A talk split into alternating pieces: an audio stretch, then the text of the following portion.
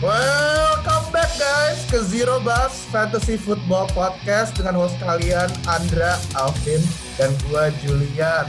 Yo, let's go. Let's go, let's go, let's go. Nah di episode kedua ini kita ada kedatangan guest. Yo, Guestnya siapa? ya. Siapa nih? Baru baru minggu kedua udah eh baru episode kedua udah punya guest kita. Yoi. Gila, gokil ya. Nah, guest kita tuh Oke. dengar-dengar jago fantasy nih. Udah daripada daripada gitu kayaknya mendingan dia aja gak sih yang menyombongkan diri sendiri, Jul? Yoi, yoi. Iya iya iya. Ayo Mar, iya, memperkenal- iya. lo harus memperkenalkan diri sendiri Mar. Let's go. Mar. Mar, Eh, sesombong mungkin ya, Mar. Sesombong mungkin, Mar. gue, Mumpung periode bragging rights-nya masih berlaku. Yoi. halo guys, eh, gue Amar. Gue eh, nickname gue kalau di NFL Fans Indonesia tuh buat fantasy 50 Deuce. Mungkin Oke. tahun depan akan ganti jadi Tyrone. Eh, gue adalah juara Liga 4 NFL Fans Indonesia dan menang dengan margin point 0,02. Gila. Gila, gila, gila. Keren, keren. Alright. Oke, Jul, kita kemarin kita udah ngomongin soal top 20 players di fantasy kira-kira di musim 2020. Nah, episode ini kita bakal ngomongin apaan? Kita bakal ngomongin tentang fantasy draft. Drafting ini menurut gue sih 95% skill. Hmm. 5 per, 5 persennya iya. baru hoki. Oh gitu, oke. Hmm. Oke, Menurut alright. gue sih gitu ya. Jadi eh, mungkin yang belum masih unfamiliar dengan eh, fantasy football ya. Jadi em, untuk bikin tim lu di awal season sebelum seasonnya mulai selalu ada draft. Dan mungkin yang kalau yang main eh, fantasinya Premier League gitu ya, ngertinya auction kali ya yang kayak dikasih budget, Premier terus, League tuh, spend duitnya tergantung pemainnya sejago apa, harganya berapa. iya, nah di, betul, di betul. fantasy Hmm. football juga ada yang kayak gitu. Tapi yang lebih standarnya itu em, namanya snake draft. Tujuannya ngisi 15 spot di tim kalian. Terus eh, tiap round itu kan ada urutannya 1 sampai 10. Nah, di Hmm. round berikutnya yang nomor 10 itu ngepick lagi. Jadi namanya snake draft. Snake. Jadi yang eh, misalnya first round kan 1 sampai 10, terus second round 11 sampai 20. Nah, yang di Hmm. first round ngepick eh, ngepick pertama itu di second round jadi ngepick nomor 20, tapi di third round ntar ngepicknya 21. Jadi cuman di balik-balik doang sampai eh, ngisi timnya spotnya full. Jadi satu quarterback, dua running back, dua wide receiver, satu tight end, satu flex, satu defense, sama satu kicker. Satu Nah, kicker. benchnya ntar bebas mau diisi dengan apa aja. Kalau misalnya kayak Alvin gitu yang ngumpulin tight end, jadi bench dia isinya tight end semua. Enggak semua juga sih. Cuman dominan, dominannya tight. Ya, Itu ntar jadi- dibahas lagi, itu ntar dibahas lagi. Nah, nanti, nanti, nanti, nanti. Nanti, Tapi- nanti. Tapi kayak kalau eh snake draft gini, kayak kalau lu dapat pick nomor satu tuh belum tentu enak nggak sih? Kayak kalau di NFL beneran kan orang-orang rebutan tuh dapat first round soalnya kan pasti udah dapat eh, pick satu, pick 11, pick dua, eh pick satu, pick tiga tiga, pokoknya first round tiap first pick tiap round gitu. Berarti kalau di fantasy ini nggak begitu enak ya dapat dapat awal ya. Karena nunggunya lama ya. Bakal nunggu lama iya. Lu lihat Kayak- semua orang lagi ngepick, terus lu masih kayak nungguin. Terus kalau kayak Amar gitu yang mungkin tipe-tipe yang kalau ngepick sampai tinggal dua detik baru pemainnya di- dimasukin gitu saking saking mikirnya lama gitu gitu ya Mar strategi lu biar jadi champion Uh, first of all, uh, when, when we talk about drafting, one thing for sure uh, I can say is that please don't draft and drive because I did that. buset Oh. Buset, buset, buset. Jadi, gimana gimana? Ceritain Mar. Gimana gimana gimana coba coba Mar. Jadi waktu itu uh, NFL Fans Indonesia kan kita sepakat bikin drafting itu jam 11 siang, Ya benar. ya kan? Iya. Gue lupa ya kalau nggak salah jam 11. So Iya iya. di jam 11 itu gue lagi nyetir nganterin nyokap gue ke pasar. Mm-mm. Udah selesai tuh, gue lagi jalan, anjing jam 11 coy. Terus segitu gue kayak main HP, nyokap gue ngeliatin, Kak kamu ngapain sih main HP mulu, bentar mah. Nah apa sih? Akhirnya gue bilang gini, mah bentar ya aku tes Traveloka. Karena kan biru-biru. Traveloka. Oh, logonya soalnya sama-sama biru ya. Iya, karena kan biru, warna-. Bener, Pak. warna birunya Astaga. Warna birunya tipis-tipis mirip tuh kalau kalau nih FYI eh, warna birunya aplikasi NFL Fantasy itu birunya mirip-mirip biru Traveloka. Iya, iya, iya. Oke, oke. Lanjut, lanjut. Jadi gue ngelesnya adalah mah bentar ya melipir dulu terus udah gitu bilang mau tes Traveloka. Terus udah gitu gue drafting. Itu wah anjir susahnya deketan kayak kadang-kadang sambil jalan. Udah berhenti aja lanjut kerjain dulu. Enggak mah nggak apa-apa kok. Udah berhenti aja. Kayak gitu. Pilih siapa, pilih siapa. Padahal Tapi eh, gimana gimana? sehari dua hari yang lalu tuh kayak gue udah siapin lah apa yang mau gue pilih kayak gitu. Oh. Eh, tapi bisa juara ya Maria dengan draft Juara. sambil nyetir juara loh, gila. Juara, juara. Juara. Tapi gue ada cerita nih, ada cerita tapi bukan gua. Ini di liganya gua sama Andra di Liga 3 NFL Fans Indonesia. Aduh, Jadi aduh. waktu itu first overall pick-nya di liga pick. kita itu kan kita bener, sama kayak Amar jam 11 siang kan itu. Ya, Nah yang bareng, bareng. first overall pick itu lagi mau Sun Mori mau balik ke rumah. Dia habis Sun Mori mau balik ke rumah. Terus akhirnya dia keburu-buru, jadi dia berhenti dulu di tengah jalan, ngepick Mahomes, first overall pick di fantasi, as gitu lanjut lagi Sun Mori. Gokil. Patrick Mahomes. Terus Anjing. akhirnya result fantasinya dia bottom of the Sembilan. Eh, sembilan, sembilan, ya. Oh enggak bener, sepuluh, sepuluh, bener, bener, Sepuluh kan ya, bener, Bener, ya. bener. Iya. Anjir, Sembilan. Bottom of the league. Dia urutan Sembilannya kan, 10. sembilannya kan si Martin kan? Iya, iya, sembilan dia. Martin, sepuluh si itu siapa sih, gue lupa. TV Politron, TV Politron. TV Politron. Yoi, yoi. Delapannya gua, anjing.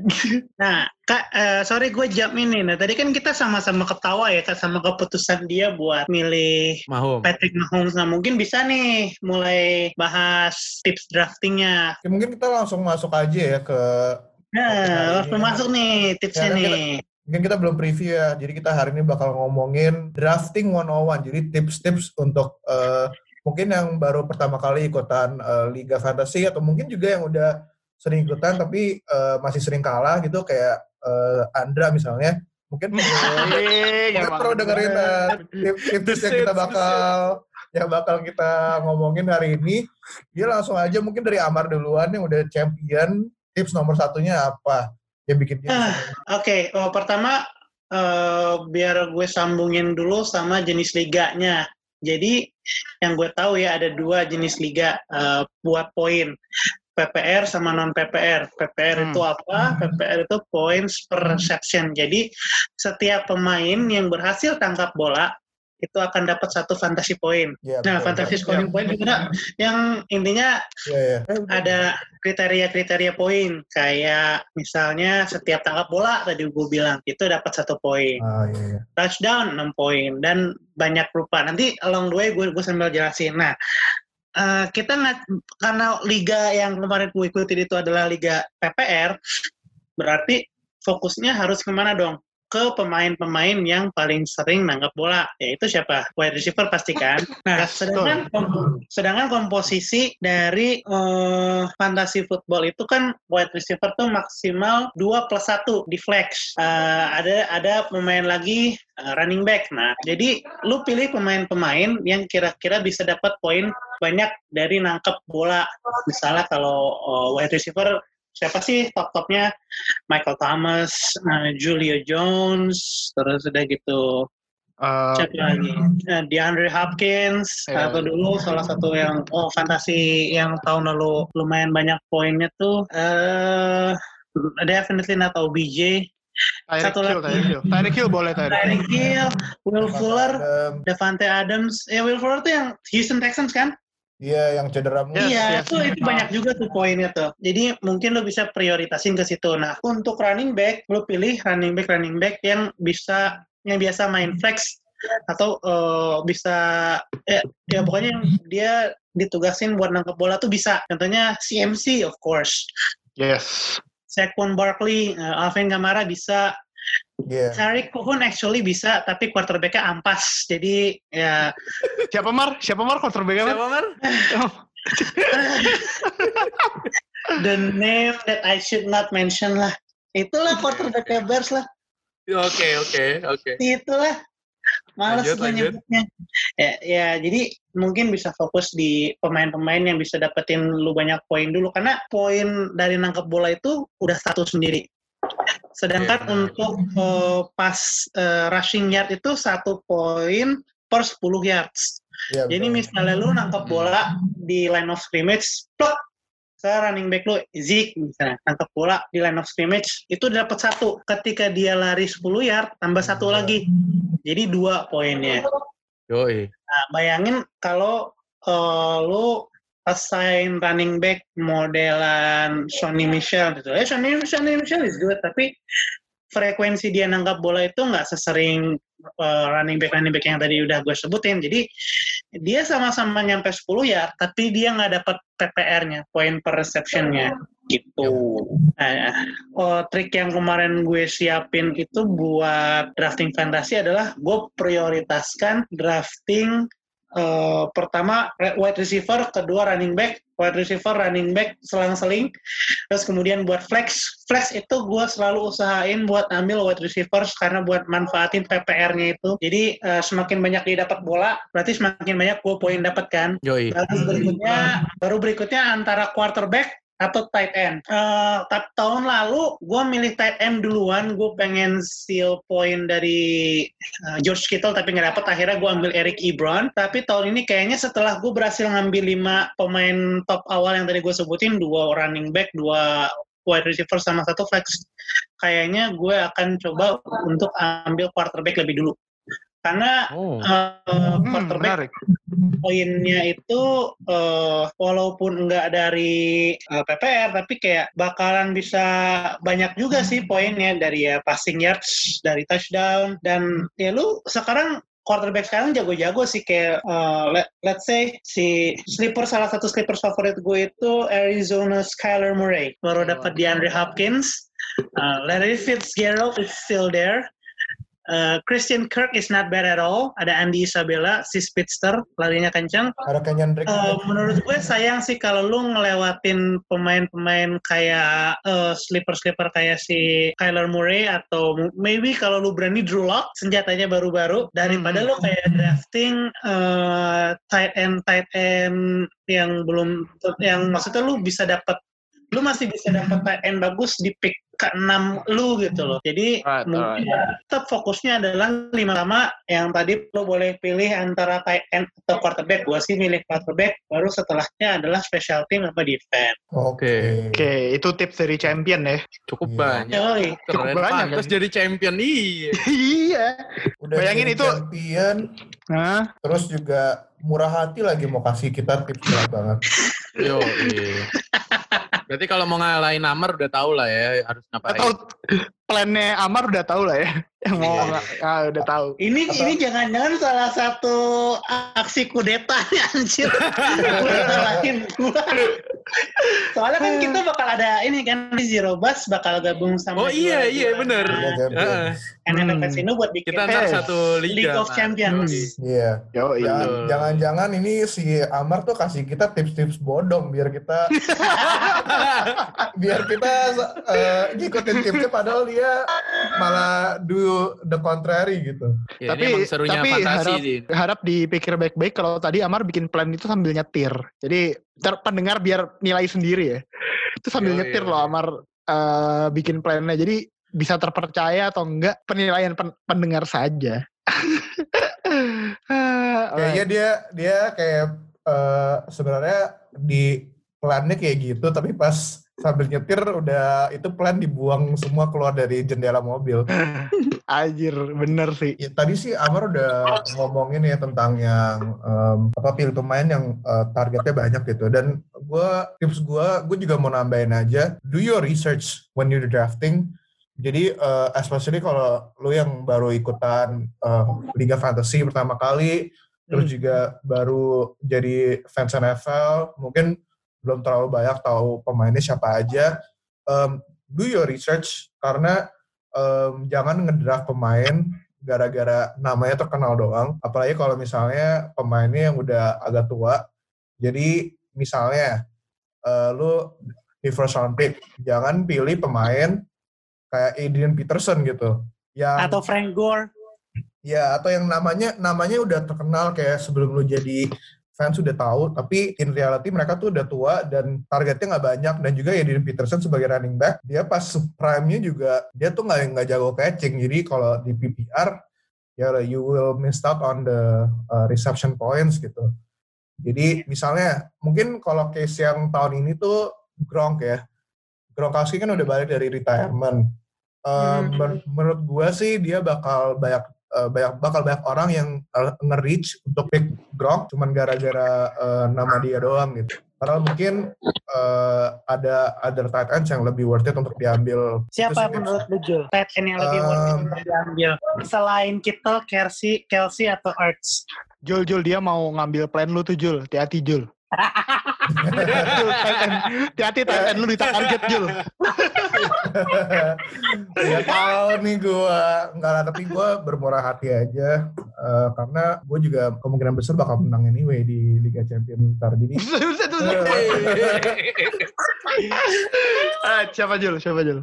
Eh, menurut gua ini preview aja kali ya buat ntar episode kita ngomong tentang tight end tapi menurut gua tight end yang bisa diambil sebelum sebelum siapa sebelum Gronk itu Gronkowski. mungkin eh, Mark Mark Andrews dari dari Ravens Ravens.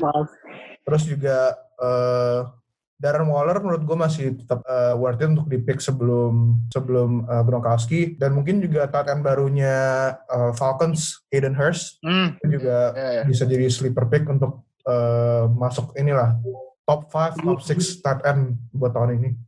Gila lu pada nggak nyebut Noah Fan lu pada sinting. Gue tadi, gue tadi mau nyebut, cuma kan yang lu tanya Julian, nggak apa-apa. Kenapa lu mention sih Mar itu kan buat gua simpen pas gua lupa.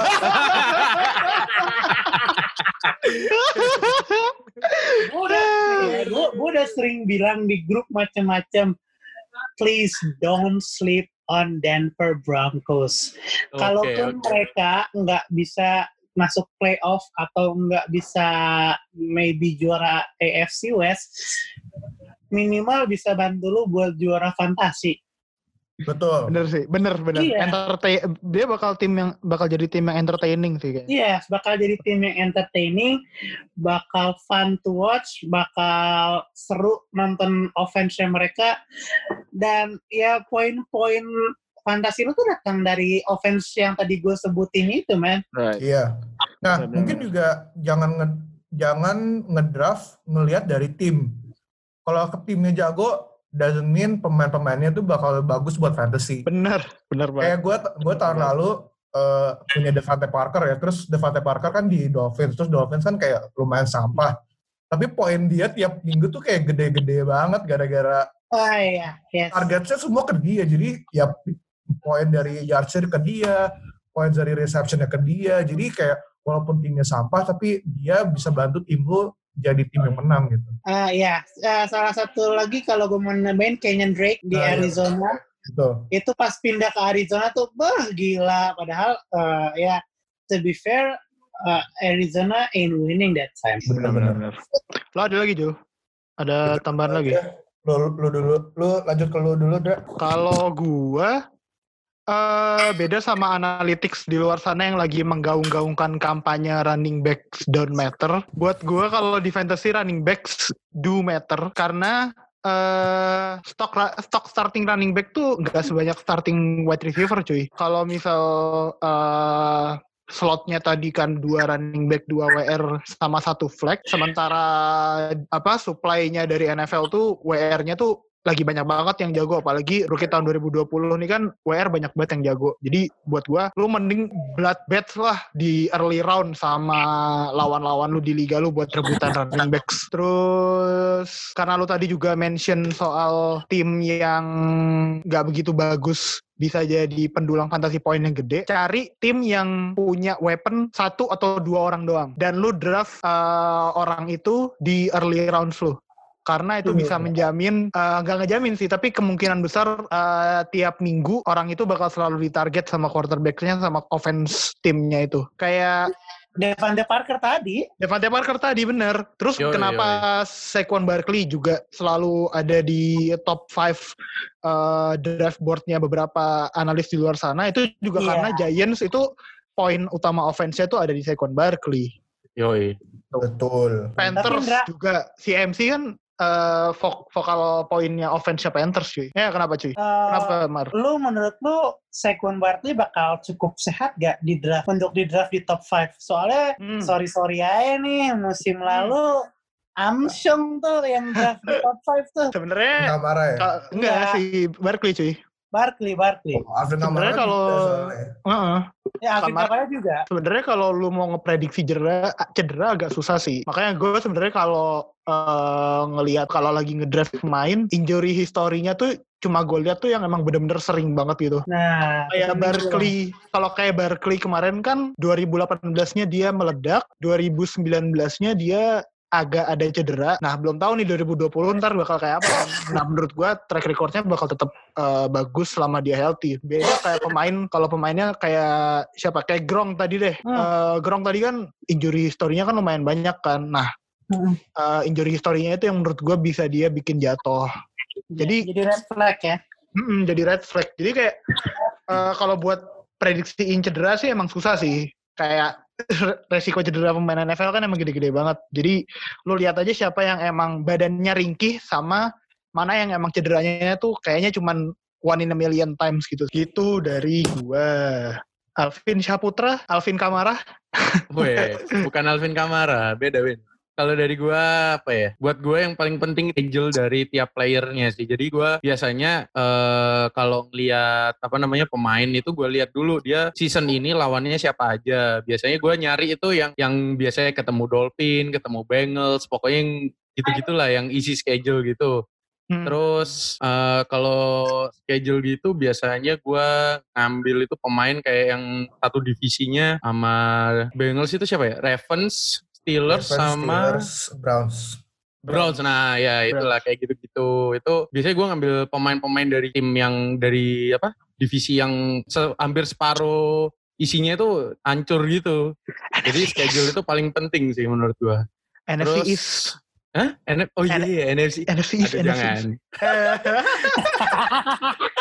Benar-benar. Eh, NFC East. kali. sorry sorry sorry tapi NFC East habis gini jadi divisi yang paling seru sih menurut gua maksudnya salah satu divisi yang seru karena Mereka Redskins karena sendiri sama-sama tolol. Soalnya setara, soalnya setara cuy. Soalnya mereka setara.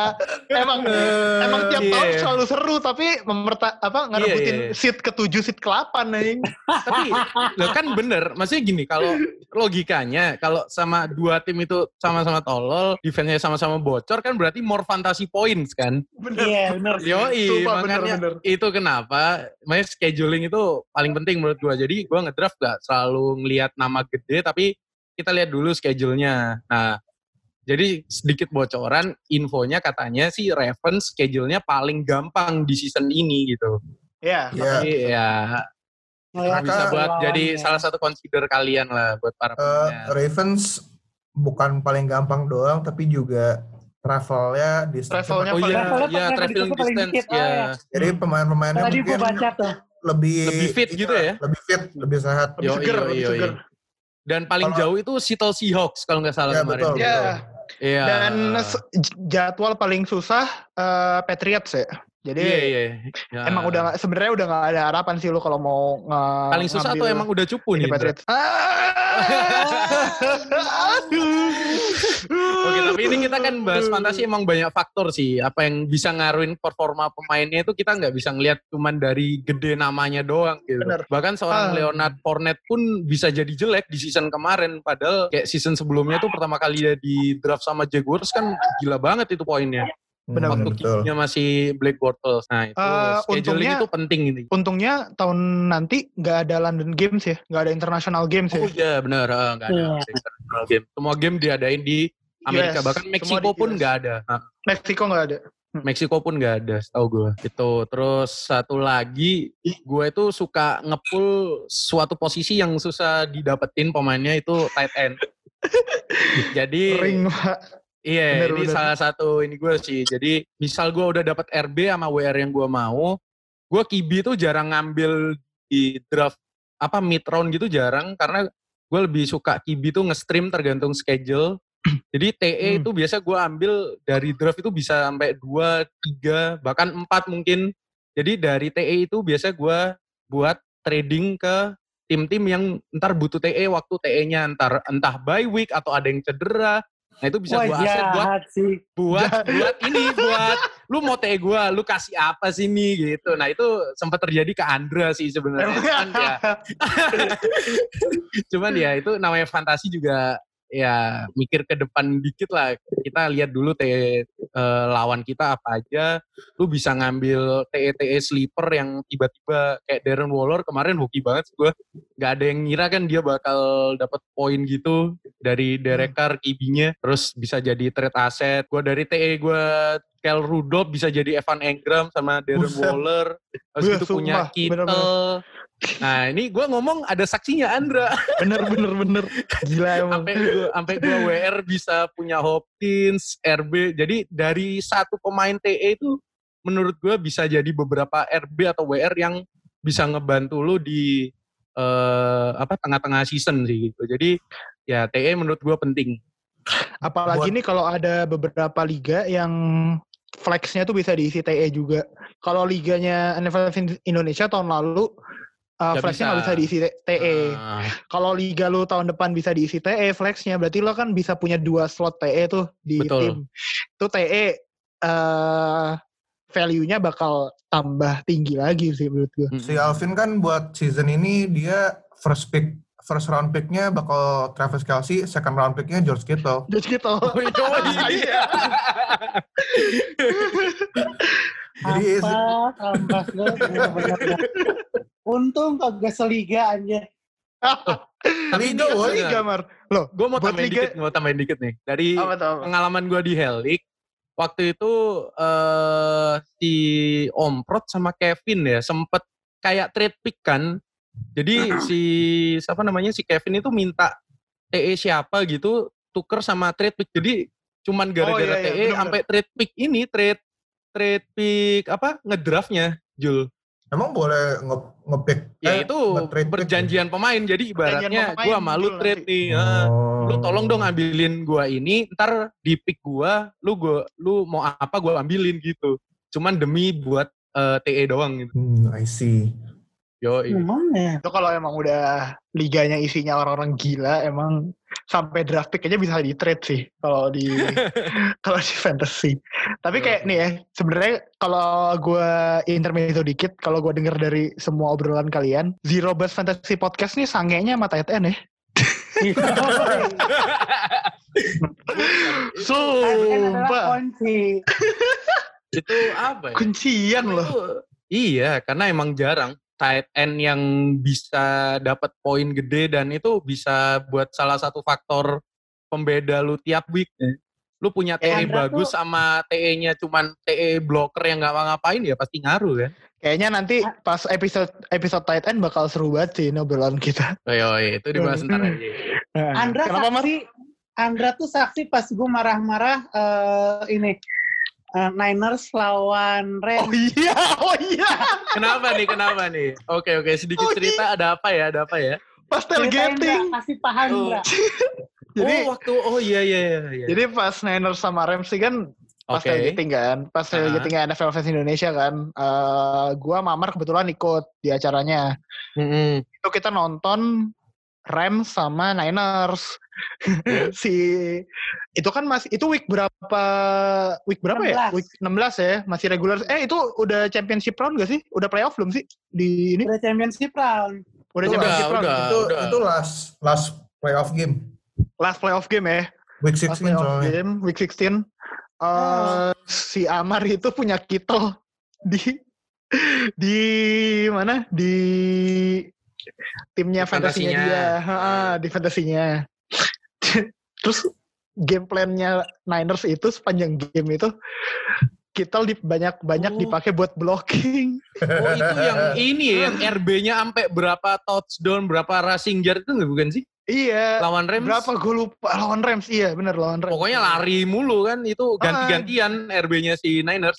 Kita Jadi- cuman diem-diem aja, ngeblok-ngeblok doang. kita lah blocking blocking tuh Amar udah iya, sampai marah-marah udah keluar kata-kata kotor tiap cuman kita cuma nangkep berapa kali tiap kita nangkep Amar bahagianya bahagia banget Iya. I almost, gua hampir Untung lu menang ya. nangis ya. Untung Kita lu juara ya. Untung lu juara ya. Tapi Kittle gue cek ini 18 poin woi. Tapi dia marah-marah mulu. Soalnya dia kebanyakan blockingnya, Jul, pas di game. Sama Nah, gua itu- kalah poinnya lumayan jauh sama saingan gua. Jadi kayak menurut gua nggak akan nggak akan pernah cukup gitu loh. Kayak 18 points is not enough, man. I need Iya sih. I need a sure win gitu loh. Dia Lagi playoff game gitu kan. five five reception, 79 yards, satu touchdown. Tuh Ah, pas ketolong reception-nya itu. Lucunya, touchdown. Di di, di Iya. game itu, Hah? gue di di apa di roster gue ada George Kittle, terus ada Tyler. Higbee juga. Tuh kan bener Higby. Oh. Cuman gue nggak start Higbee the next weeknya karena uh, liga gue week 17 masih masih main. Nah itu gue start Kittle di tight end, Higbee di flex. Hmm. Oh, iya, iya, iya. Itu jadi berapa ya poinnya? Higby-nya Tinggi, pas last last game itu yang week 17 dia 22 poin. Terus George Kittle-nya 16 poin. Jadi gue udah dapet Anjing. 38 poin dari dari Dari. Tight end doang wah gila. anjing, anjing. Lumayan. Iya. Eh, mungkin eh, ini yang kadang-kadang bikin orang-orang tuh jadi ngedraft ngaco menurut gue. Hmm. Orang-orang tuh suka latah. Hmm. Oh, iya, benar. Yeah, make sense.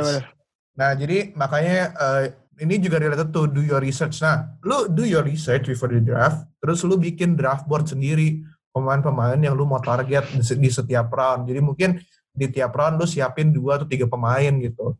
Nah, terus pas di draft day, suka nih ada orang-orang yang eh, suka se- sembarangan ngepicknya atau mungkin kayak agak-agak eh, maaf kata bego gitu ngedraftnya. Jadi misalnya di di first round gitu, udah ngambil Nah. Patrick Mahomes. Nah, Waduh. kalau kalau lu Berat banget Julian. kalau Aduh, aduh. enggak ini gue ngomongin ini gue ngomong tentang adik gue, adik gue season Oh, kemarin dia adek. first round first round ngambil Patrick Mahomes, tapi juga masuk Hmm. Nah, semifinal. bego Jadi, dong. nah, jadi jadi jangan latah kalau misalnya ngelihat wah eh, third round misalnya eh, tight tight end udah pada diambil jadi langsung panik eh, ngam- mau ngambil end duluan takut nggak kebagian padahal masih banyak pemain-pemain misalnya running back sama wide receiver yang eh, prospek poinnya jauh lebih banyak daripada tight end yang tersisa gitu. Jadi stick to Hmm. your draft board, uh, pick pick the players that you, you're targeting. Terus kalau misalnya udah gak ada, pick the best available player, especially buat back sama wide receiver. Walaupun starter lu udah keisi, juga isi aja uh, spot di bench buat di bench gitu. Nah, buat gua um, priority itu ada di gue juga gue juga hashtag tim running back kayak Andra Yoi, tim Hmm. running back. prioritasin running back, wide receiver. Nah, abis itu baru tight end, defense, kicker, dan terakhir quarterback. Jadi jangan panik kalau misalnya quarterback udah mulai hilang-hilang karena menurut gua quarterback itu posisi yang nggak nggak super super penting dan bisa lu stream tiap minggu yang kayak Andre bilang. Yoi. Bener, bener. Jadi ya Tapi Lamar Jackson poinnya banyak terus, Pak. Ya, setuju. emang kalau lu do your research ada beberapa special case sih. Iya. Eh, makanya itu pentingnya juga kata Julian tadi bikin draft board soalnya eh, ada beberapa pemain yang emang kayaknya nih cocok buat di reach. Ada beberapa pemain yang emang oh ya udah nggak apa-apa bisa nih gue ambil eh, lebih telat kayak gitu sih. Kalau kalau gue sih per- personally I'm not a person yang suka reach ya. Jadi Hmm. eh, kayak gue tahun lalu my QB Lamar Jackson, tapi gue dapet dia dari waiver wire. Dia dapat dari way hoki banget. hoki, hoki. Terus Oh, eh, Q- QB, jadi QB yang gue draft itu Philip Rivers, dia pick terakhir gue. Tapi abis itu, eh, abis, abis draft gue lihat-lihat lagi Lamar Jackson first weeknya lawan Dolphins, jadi gue kayak ah ini kayaknya bakal dapat poinnya banyak. Jadi gue start, gue start apa Lamar Jackson gitu, gue ambil. Nah mungkin kalau dari QB, kalau ngedraft QB itu strategi strateginya bukan oh QB ini pemain buat the whole season, tapi kalau QB gue biasanya ngelihat uh, week-week awal tuh Matchup. matchupnya lawan siapa. Kalau matchup yang Hmm. gampang-gampang, gue ambil QB itu. Habis itu kalau udah nggak guna, gue buang, gue ambil QB baru. Oh. Yes.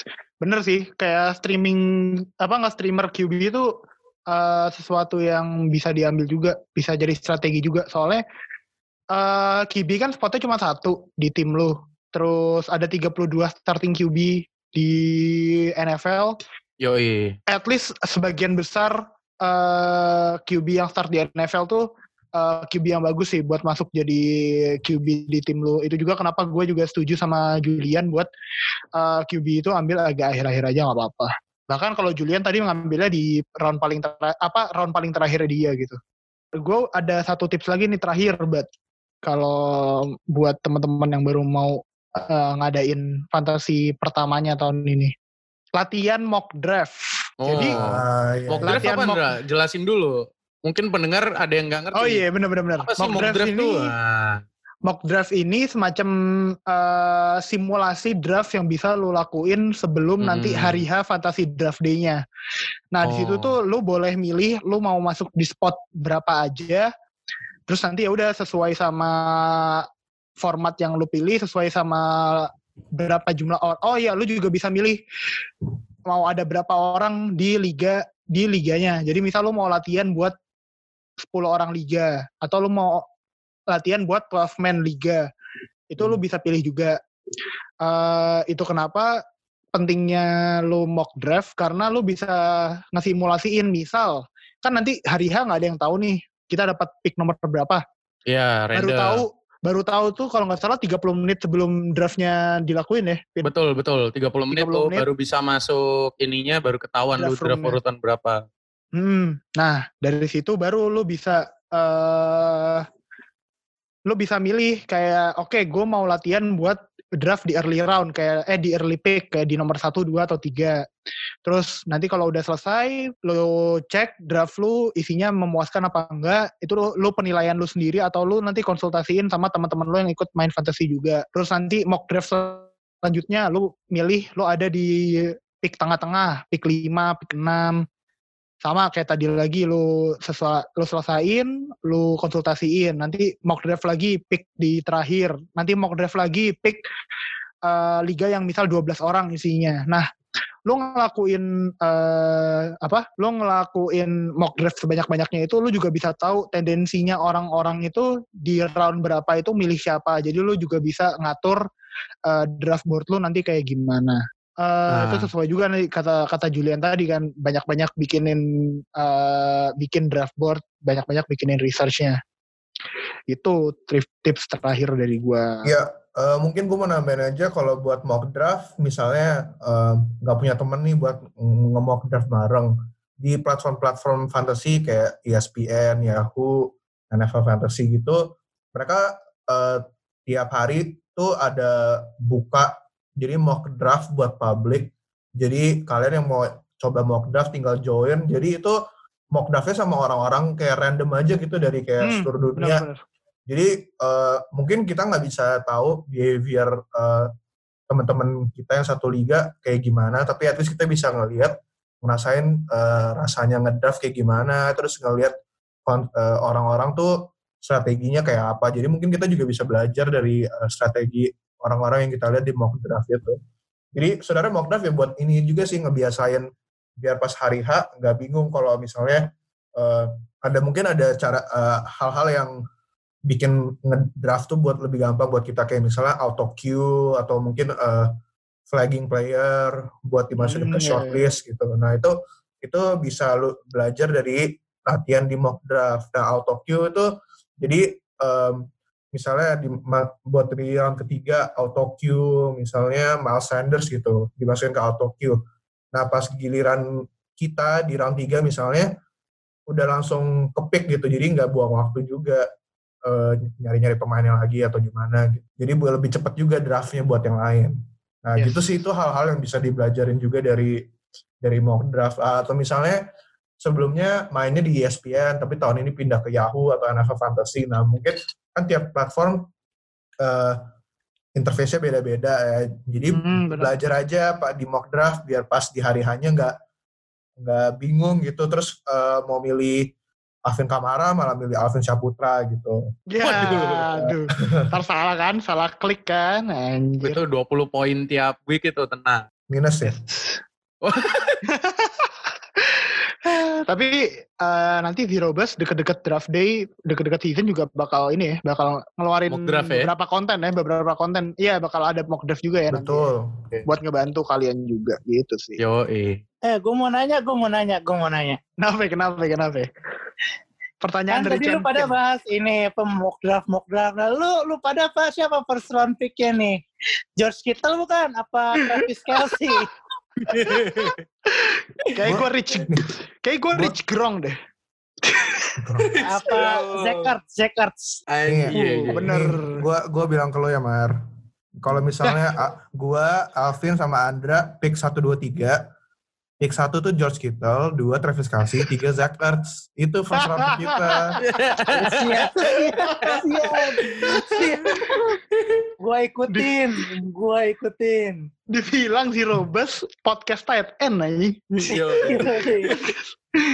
Nah, Ntar si Robes, Podcast puja-puji tight end. puja-puji. si Robes bakal bikin liga liga baru, All Tight End League. All time end. Isinya tight end dong. Gue milih Taysom Hill deh, gue taruh di tight end. Ah, karena tadi kita udah ngomongin tips and trick juga, ngelanjutin dah dari pertanyaan Amar tadi. Eh, kan kita juga udah milih first round pick.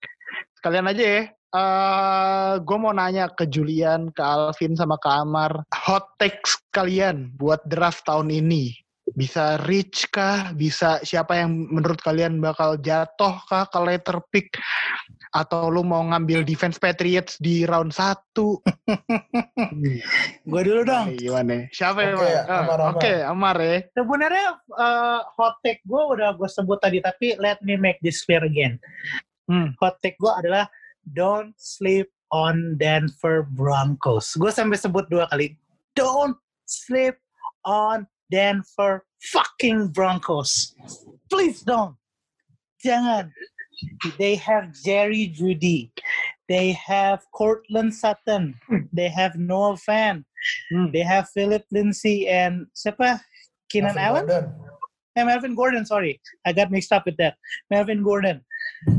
With all that weapon going on and Drew Locks getting matured and even better by the day, itu sumber poin lo, coy. Bisa jadi sumber poin lo. Lu lihat, eh, kalau lu berani, lu mungkin boleh draft Jerry Judy di awal-awal atau maybe Cortland Sutton if they're still available. Nanti lu lihat di seperempat musim pertama and then you come back to Empat me and, musim ya. Iya seperempat, musim Seperempat ya? pertama seperempat musim pertama and then you come back to me and kiss my fucking ass kalau misalnya masih jelek percaya sama gua nih the hardest fucking thing that I will say on the podcast don't sleep on Denver Broncos itu aja Gue curiga dengan hot take-nya ini deh. Kenapa tuh? Ini Amar kayak trying too hard to sell Denver Broncos ya. Iya, iya, iya. Kayaknya ada pemain yang diincer sama Amar, jadi dia naik-naikin hype-nya Broncos dulu aja. Iya. Biar Biar pemain orang yang ngambil diincer, ya. Ah, biar orang ngambil ngambil pemain Broncos anjing. Nah, sebenarnya gue mau ngambil ini sebenarnya gue mau ngambil Saquon Barkley dulu pada Biar orang-orang ngambilnya Melvin Gordon duluan dia kan. biar orang-orang ngambilnya tatan duluan. Oh, Iya. Nggak, tapi, ketahuan eh, ketahuan strategi kita ini. Kalau lu kan tadi kalau lu kan tadi first pick-nya ini George Kittle, kedua uh, Travis Kelsey, ketiga Ertz. Gua pertama Noah Fan, Bro. Eh, oke. Tapi gue setuju sama Amar sih. Em, kalau Denver Broncos kayaknya bakal bakal pemainnya bagus-bagus buat di fantasy season ini. On paper ya, kita kan nggak tahu realitanya ya, kayak paper. Ya, Em, Pepper emang emang Iya. menjanjikan. Injury bisa merubah segalanya sih biasa. betul. Hmm, track recordnya bagus sih ya. Anak-anaknya, anak-anak baru Broncos ini. Yap, apa pemain-pemain budanya Broncos ini tahun lalu juga pada healthy. Melvin Gordon tahun lalu cuman hilang gara-gara hold out. So iya, sebenarnya promising sih. Tapi gua Hmm. nggak tetap nggak bakal uh, kemakan jebakan Amar. hot takes lo apa Dra? Hot takes lo? gua ini mungkin uh, bukan sesuatu yang bakal gua lakuin. Tapi gua nggak bakal kaget kalau ada orang yang ngelakuin ini. based on apa yang terjadi tahun lalu di liga gue. Eh, gue nggak bakal kaget kalau ada yang ngambil Lamar Jackson di first atau second round. Iya, Iya. gue juga gak kaget. Iya sih, iya sih, nggak kaget. Kayaknya eh, orang udah ngelihat Lamar Jackson itu punya poin plus ditaruh di QB karena dia punya eh, running game yang bagus juga. Eh, itu makanya kayak punya tiga running back di fantasy tim lu. Iya bener banget. Produksi poinnya kayak punya tiga running back. Jadi or- orang nge-reach Lamar Jackson tuh gue nggak bakal kaget. Walaupun gue nggak bakal ngelakuin. Karena yang bakal gue reach adalah Clyde edwards Hilaire. Oke itu aja hot text gue udah. Gak ada pertanyaan. Gak ada pertanyaan. Oh. Gak ada pertanyaan. No question. Gue suka. Gue suka. I, I bet you've been watching LSU's game tape. Pasti lo nonton itu. Iya anjir. Gue tahu banget. Apalagi buat Liga PPR ya. Tahu Iya. Dan, dan itu masuk akal banget. Dan masuk akal banget. Kemakan Benar, hype nih. Oke, oke. Kemakan. Kemakan hype. kan bukan kan kan buat di publish ini. Kalau strategi sendiri gue simpen Jul. Tapi buat di Oh. publish. Boleh, Ini emang ini podcast Zero Boss ini anjing emang banyak main banyak main games ya. podcast paling seru yang pernah gue datangin salut salut. eh Jul, eh Jul apa pin dulu deh. Serah. gue dulu deh. Yo, Julian dulu. Kalau hot takes gue, menurut gue Le'Veon Bell bakal jadi top 10 running back lagi Oh, top 10. season ini. Eh, Itu hot take gue, karena kalau lu pada tahu ya di first apa first round picknya Jets kan mereka pilih Mecca Becton ya. Terus Ah, Mecca Becton tuh Hmm. very very athletic, he's really good at run blocking. Nah, Le'Veon Bell kalau sebenarnya kalau di nonton tahun lalu ya menurut gue, it's not like his skill tuh menurun atau gimana. Tapi tuh skillnya ada, cuman online-nya nggak bisa nge Gak bisa run blocking. defense gitu. Jadi misalnya dia udah udah cut, udah do everything right, cuman ya langsung di tackle lagi di line of scrimmage atau di belakang line of scrimmage. Jadi menurut gue eh, dengan additionnya Michael Becton terus juga um, setahu gue Jets juga nambahin depth di di online mereka buat improvement lah. Menurut gue ada chance sih karena Le'Veon Bell skill skillnya ada, track recordnya ada, dan juga volumenya ada. Da- dia bakal pasti uh, volumenya banyak banget dan dia juga he's pretty good at pass catching kan. Jadi kayak rushing volume ada, reception volume ada. Jadi it's all there. Cuman ya kita belum tahu realita aja kayak gimana. Tapi menurut gua he's gonna end up in the top 10 again for this season. Top 10 bukan top 5. Top 10. Top Iya, 10. Top 10 ya, top 10 ya. Top 10 running back ya, bukan top 10 overall ya. Iya, top 10 running back. Ya hot hotter take lah, hotter take top Top 7 take, running top back. 10 top Top 7 lah, top 7. top 7 ya, top 7 ya. top 7. Iya. Alright. Oke, terakhir pin. Kalau gua dari diva WR-nya Browns, Odell Oh, gua kira Beckham Anton- Jr. Gue kira Antonio Brown tadi. Loh, bukan. Salah. Diva WR-nya Cleveland Browns itu OBJ. Jadi menurut gua OBJ season ini aduh nggak worth lah di lu simpen gitu. Gak Kayaknya worth dia ya. nggak ba- nggak worth buat diambil ya.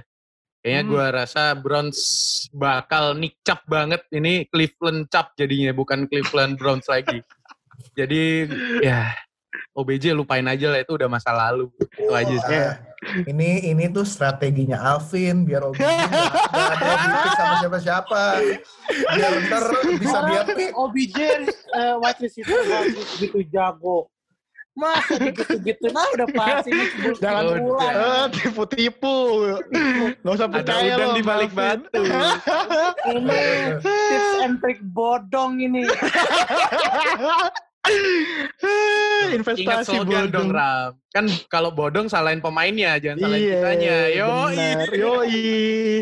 And people by that takes uh, we are approaching the end of our podcast. Uh, draft ini salah satu event di fantasy yang sangat gue nikmatin. Jadi gue harap selain doing researchnya kalian, yang terpenting kalian having fun lah pas draft. Uh, Betul. kalian uh, discordan bareng-bareng, bikin zoom meeting bareng-bareng sama teman seliga kalian pas ngedraft Hmm. buat ngata-ngatain. Uh, have fun, cari cara buat kalian having fun pas draft day nanti. So, thank you Amar. Hmm? Thank you for having me guys.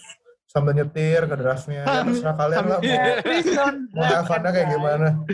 Yoi. Oh iya. Ah, Thank you, juara Liga 4 NFL Iya. Fantasy. Gue masih Iya. bisa bragging sampai hari pertama season 2020-2021 mulai. Jadi Oke, I oke. am still the champion and that fact ain't gonna change until the Okay. start of the new season. Fuck yeah, baby! Let's go.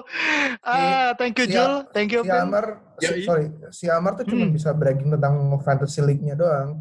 Karena Karena timnya cacat. Karena timnya tuh nothing to brag about. Yeah, at least I have something to brag, bro. Tim lu juara kagak, fantasi kagak juara. Come on. Eh, gua kan rookie. You guys, you guys don't know what's coming. Oh, Pin lucu, Pin lucu ya, Pin apa NFC North Division rival ini. Iya. Packers sama Bears ini kalau ngobrol lucu ya. Dua-duanya sama-sama lucu. irrelevant gitu tuh gitu banter. Kita mah Eh, nonton dari jauh. It, it takes it takes one to know one guys. Lu pada panggil gue irrelevant karena Patriots juga irrelevant. Oh, oh. Hmm. Alright, alright, Mulai, mulai, mulai kena sekte nih. mulai, mulai. Gue tiap minggu nge-podcast selalu kayak kayak podcast patriotisme du- 2.0. Hari ini juga ada Amar tuh ya. Iya, anjing. Patriotisme juga. Minggu depan undang Daus lah. Kan juara juga Daus. Oh iya, boleh, boleh. nanti nanti boleh, boleh, boleh. Yaudah, em, Eh. di situ aja podcast kita hari ini. Thank you, Am- Yoi. thank you again Amar for coming. Thank you, thank you. yo. Thank you Zero Bus. What a fun podcast it was. Sampai ketemu di season eh, fantasi berikutnya dan I'll I'll beat your fucking ass. Oh. In your in your dream man, in your dream, I'm coming for you man. Karena kita seliga ya Mar ya season Iya, depan ya. seliga. Yoi, seliga kita. Uh, Oke guys, thank you for listening. Thank Ingat you. lagi guys, kalau pemain-pemain kalian yang, yang kalian pilih Bas, jangan salahin si Zero Bus Podcast, tapi kesalahan pemainnya. Alright, see you guys in the next episode. Bye. Bye. Thank you. Thank you.